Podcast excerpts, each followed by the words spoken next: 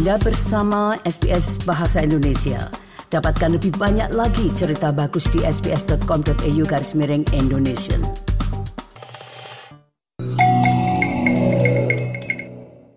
SBS SBS SBS SBS SBS This is SBS Radio.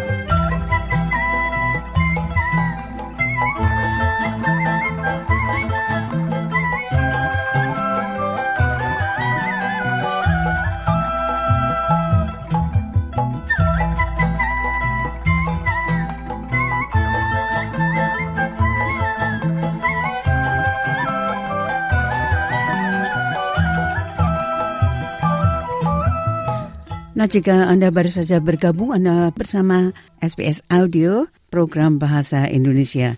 Nah, tidak akan lama lagi kita akan merayakan Hari Ulang Tahun Kemerdekaan Indonesia yang ke-78.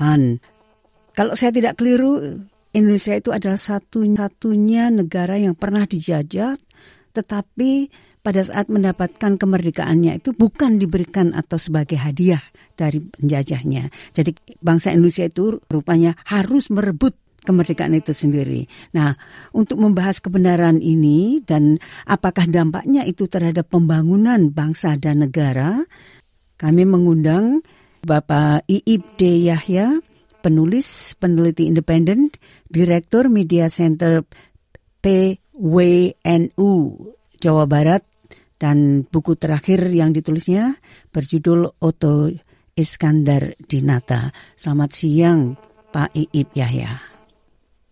Selamat siang, Bu Sri. Aduh, sulitnya dihubungi. Ya, Pak Iib. Itu. Iya, iya, Nah. maaf. Ya, Iya. namanya tidak dikenal tadi. Nah, dalam waktu yang sangat sempit ini, saya akan mohon Pak Iib untuk menjelaskan betul atau tidak itu bahwa Indonesia itu kemerdekaannya itu bukan diberikan atau sebagai hadiah dari penjajah, tetapi memang bangsa Indonesia harus merebutnya itu. Betul. Jadi, memang pada dasarnya tidak ada penjajah yang mau memberikan eh, kemerdekaan sebagai hadiah begitu saja tanpa ada kondisi yang memaksa. Ah, kita ini dijajah dijajah oleh Belanda, kemudian dijajah oleh Jepang.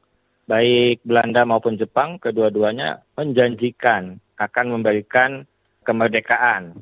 Belanda juga begitu dan Jepang pada tanggal 10 Agustus memanggil Soekarno, Insinyur Soekarno untuk datang ke Dalat dan Marsikal Terauchi lagi-lagi menjanjikan akan segera memberikan kemerdekaan Indonesia.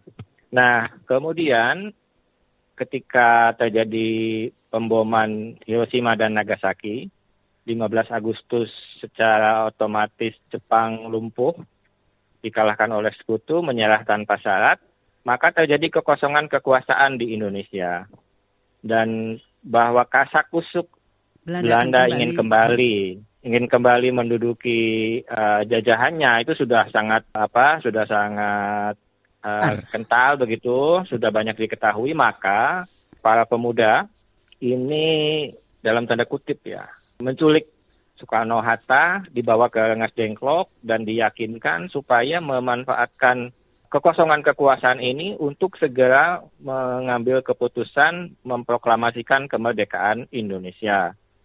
Itu terjadi pada bulan puasa ya, pada bulan Ramadan dan sebagaimana sejarah mencatat tanggal 17 Agustus jam 10 pagi apa kemerdekaan Indonesia pun diproklamasikan. Nah, kemerdekaan yang diumumkan sendiri diproklamasikan namanya di memproklamasikan eh, kemerdekaannya sendiri ini memberikan pride ya kepada para tokoh bangsa Indonesia dan mewariskan kebanggaan itu kepada kita sampai hari ini. Nah, memang itu ya kalau kejadian saya mengacu pada titik pada saat Soekarno Hatta itu di apa diculik itu ya itu memang Ya. itu sudah pernah ditampilkan itu yaitu diabadikan seolah-olah dalam monolog aktor aktor. Bandung iya saya juga melihat Wawan Sofwan, ya. saya juga melihat Ya. pertunjukannya jadi bagaimana pergulatan pada waktu itu jadi intinya bahwa memang para pemuda kan ya pemuda Indonesia itu sudah sudah tidak sabar ayo kita rebut kemerdekaan kita. Itu kan? Nah itu inilah yang Betul, karena silakan. ya betul karena mereka para pemuda ini juga mendapatkan informasi ya dari tokoh perjuangan di bawah tanah yang mendapatkan bocoran dari siaran radio internasional sehingga kekosongan ini kalau tidak segera diisi segera diproklamasikan ini akan hilang peluangnya. Peluang iya iya. Maka Soekarno Hatta akhirnya menerima itu dan atas persetujuan yang lain, lalu mereka bersama-sama menyusun teks proklamasi. Ada koreksi di sana sini, misalnya kata penyerahan diganti pemindahan, lalu kata dilaksanakan diganti diselenggarakan, dan itu dinamikanya uh, malam itu. Sehingga pagi 17 Agustus 1945 dalam keadaan berpuasa Indonesia kemerdekaan Indonesia diproklamasikan. Nah sekarang begini, Pak Iip, yang saya apa nah, ya ingin saya ketahui adalah dampak dari pernyataan tersebut. Kalau India itu kan di- diserahkan ya, artinya kemerdekaannya itu diberikan oleh Inggris. Demikian pula Malaysia misalnya. Jadi secara psikis ya, secara psikologis itu perebutan kemerdekaan ini atau pernyataan proklamasi itu itu sejauh mana dampaknya terhadap pengisian kemerdekaan itu terhadap pembangunan negara Indonesia itu sendiri. Ya, memang ini plus minus ya. Plus minus. Karena dengan menyatakan kemerdekaan sendiri, berarti kita memulai sesuatunya dari nol. Jadi misalnya pendidikan, terutama yang sudah di set up cukup bagus oleh Belanda, kan kita akhirnya tahun 50 mengeluarkan undang-undang anti Belanda ya. Orang Belanda juga diusir gitu. Semua yang berbau Belanda dikeluarkan. Bahasa Belanda tidak diajarkan lagi. Ya memang ada ada minusnya. Sehingga kita ada sekian tahun itu tidak Indonesia tidak menguasai bahasa asing apa pun kan. Nah, ini kan padahal pendidikan hukum, pendidikan kedokteran itu kan memakai bahasa Belanda. Ini juga minusnya ya. Tetapi plusnya itu kita bisa mewariskan semangat kemerdekaan ini selalu dengan apa dengan percaya diri. Ini kemerdekaan ini kita perjuangkan dengan nyawa, dengan eh, tumpah darah begitu. Dan ini yang bisa mewariskan kebanggaan itu sampai sekarang kepada anak cucu kita sampai nanti gitu ya. Iya. Dan itu yang tidak dimiliki oleh negara lain ya. Ya mereka Dan- tidak bisa mengatakan. Iya. Betul. Dan akhirnya keteguhan kita ini kan akhirnya diakui oleh Belanda. Belanda mau tidak mau tahun ini mengakui bahwa kemerdekaan Indonesia adalah 17 Agustus 1945. Setelah lebih dari 75 tahun ya mereka setelah 78 tahun ya mereka hanya mengakui bahwa kedaulatan Indonesia itu tahun 1949. Tetapi dengan keteguhan kita dan dengan bukti-bukti yang terus kita munculkan, ya akhirnya mereka juga mengakui walaupun harus melampaui lebih dari 70 tahun ya. Nah, Pak Iip, sekarang begini, kalau tadi dikatakan ada plus minusnya itu ya. Terus seperti pendidikan kita tidak bisa melanjutkan harus mulai dari awal dan sebagainya. Nah, tapi seperti KUHP itu kan masih kan banyak yang jadi Undang-Undang 45 itu kan masih berdasarkan Betul. juga iya. Betul. Dah. Ya, memang pada pada hal-hal tertentu memang tidak bisa ya. Tidak bisa sepenuhnya ya, tidak bisa sepenuhnya dari nol. Tetap untuk hukum, untuk kedokteran, untuk beberapa hal yang lain itu tetap menggunakan warisan Belanda. Bahkan untuk tertib hukum kita tetap masih menggunakan aturan Belanda tahun 39 yang namanya SOB, lalu juga itu disesuaikan dengan berbagai nama, ada nanti ada Kamtibmas, ada macam-macam ya, eh, tetap tidak bisa ya. Dan sebagaimana Bu Sri tahu, KUHP produk pasca kemerdekaan ini baru disahkan belum lama ini. Iya. Dan itu pun mengundang, mengundang kontroversi ya, karena mungkin sudah nyaman juga dengan undang-undang warisan Belanda itu. Iya. Diam-diam ya, itu plus minusnya. Nah Iya. sekarang Alhamdulillah KUHP yang produk para ahli hukum kita ini sudah disahkan. Nah, kalau mengacu ke pendidikan ya pada waktu itu memang yang terkenal adalah pendidikan Stovia yaitu untuk para dokter itu. Nah, namun ya. demikian kan tidak semua pendidikan pun tidak semua itu orang tua saya saja bapak Betul. saya saja hanya sampai di SMP atau eh, atau apa ya. waktu itu eh, di ya. Mulo ya. atau apa waktu itu begitu. Oh ya. Jadi Betul. berarti kan tidak tidak semua bangsa Indonesia pada waktu itu mengenyam nikmatnya pendidikan itu. Betul, betul, betul, betul sekali. Ya.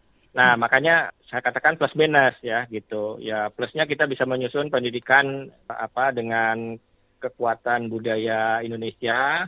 Minusnya yaitu dalam sekian masa ada mungkin termasuk saya ya generasi yang tidak menguasai bahasa asing apa pun gitu. Karena memang jadi bahasa Belandanya belum jauh gitu ditinggalkan oleh kakek nenek kita bahasa Inggrisnya belum masuk gitu. Jadi tidak ke mana-mana tuh Bu Sri. Ya. Pak Iib, satu hal ini yang saya suka senyum-senyum ah. itu kadang-kadang. Kita kan mengatakan, ya. oh kita ini bangsa pemberani, kita ini semangat. Makanya selalu dikatakan, ayo kembali ke semangat 45.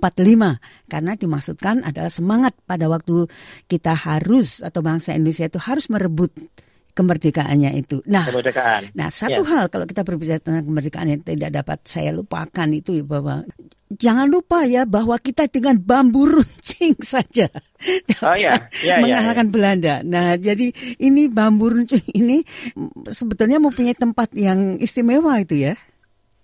Ya, jadi uh, tentu itu simbolik ya. Artinya keinginan masyarakat untuk berjuang itu tinggi sekali Sementara senjata yang diwarisi dari Jepang atau direbut dari Belanda itu kan terbatas. Dan yang terlatih pada khususnya pada masa Jepang juga sangat terbatas. Sementara ini apa antusiasme masyarakat untuk berjuang itu pakai apa gitu. Ya makanya seada-adanya. Kemudian dibuatlah walaupun dengan bambu runcing gitu ya yang sudah diberi doa ya Bu Sri itu iya. sehingga sehingga uh, apa keberanian uh, bambu runcing di tangan seorang yang pemberani itu lebih menakutkan uh, daripada bedil ya. senjata tajam senjata tajam di tangan penakut kan gitu. Iya. tapi itu faktual faktual digunakan oleh banyak masyarakat Indonesia. Tapi konteksnya tadi senjata apa senjata mesin kita terbatas yang mampu menggunakan juga terbatas karena yang dilatih pada masa Jepang juga jumlahnya tentu tidak sebanyak masyarakat yang ingin berjuang langsung. Nah, nah masyarakat yang ingin berjuang ini kemudian kreatif ya, membuat senjata apa adanya dari kayu, dari bambu, apa pun yang tajam yang bisa digunakan melawan musuh. Jadi Pak Iip, kita sudah 78 tahun ini ibaratnya Indonesia ya. itu. Jadi kalau Pak Iip ditanya apa yang harus kita lakukan ini terkait dengan kemerdekaan Indonesia yang ke-78 itu? Dengan situasi ya, tatanan negara yang baru secara ringkas itu jawabannya 40 detik. Ya, Silakan. ya, ya. Mudah-mudahan sih kita akan semakin dewasa, kita bisa melanjutkan program yang baik itu tetap kita lanjutkan dan yang apa yang belum masuk ke dalam program oleh semasa kepemimpinan Pak Jokowi ini kita masukkan tapi yang sudah baik ini semoga tidak kemudian ganti pemerintahan, ganti apa, ganti program yang sama sekali dari nol lagi. Kita mudah-mudahan sudah cukup dewasa untuk mampu melihat bahwa Indonesia sudah di jalan yang benar ini menuju ke negara maju. Mudah-mudahan kita terus maju seperti lagu ayo maju Ma maju gitu. Jangan iya, maju mundur. terus, iya. kalau kalau menari itu maju mundur bagus tapi kalau perjuangan nih jangan. Iya, iya.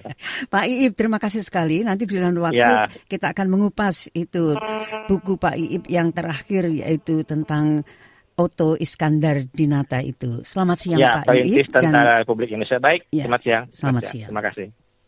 SBS. SBS. SBS. SBS. SBS. This is SBS Radio